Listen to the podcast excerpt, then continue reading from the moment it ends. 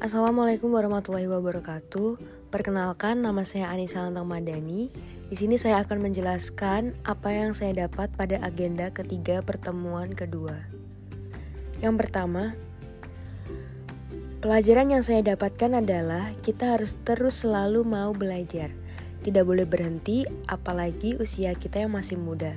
Kalau bisa, suatu hari kita bertemu lagi ketika kita sudah S2 atau sudah menjadi seorang pejabat. Yang kedua, kita tidak boleh berkata tidak bisa dan harus berusaha untuk mengerjakannya terlebih dahulu, mencari tahu, bertanya, dan meminta kritik serta arahan.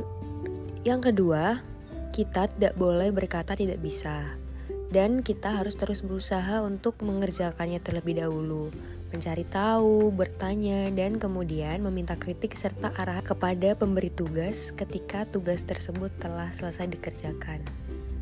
Yang ketiga, pelajaran yang saya dapatkan adalah kita harus terus berusaha untuk meningkatkan value kita sebagai ASN karena terlalu biasa untuk menjadi biasa saja.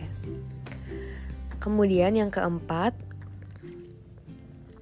kita harus selalu berusaha menjadi seseorang tepat waktu, karena menjadi seorang ASN adalah pilihan kita, sehingga kita harus berkomitmen dan mau tidak mau berusaha mengerjakan apa yang telah menjadi kewajiban kita.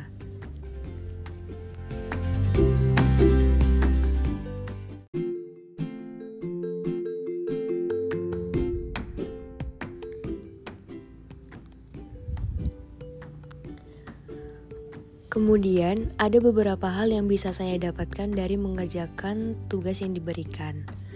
Yang pertama, saya jadi mengetahui beberapa isu yang ada di instansi tempat saya bekerja. Yang kedua, dengan teknik tepisan USG, saya dapat menentukan yang mana yang menjadi isu utama. Kemudian, saya bisa mencari tahu penyebab dari isu tersebut menggunakan teknik fishbone. Dan yang terakhir, saya dapat mencari gagasan kreatif yang bisa saya tawarkan atas isu tersebut. Yang mana dengan mengerjakan tugas tersebut, saya mendapatkan ilmu baru yang nantinya akan saya gunakan untuk mengerjakan rancangan aktualisasi. Demikian beberapa hal yang saya dapatkan dari agenda 3 pertemuan kedua ini. Semoga apa yang didapat dapat bermanfaat untuk saya dan teman-teman saya. Música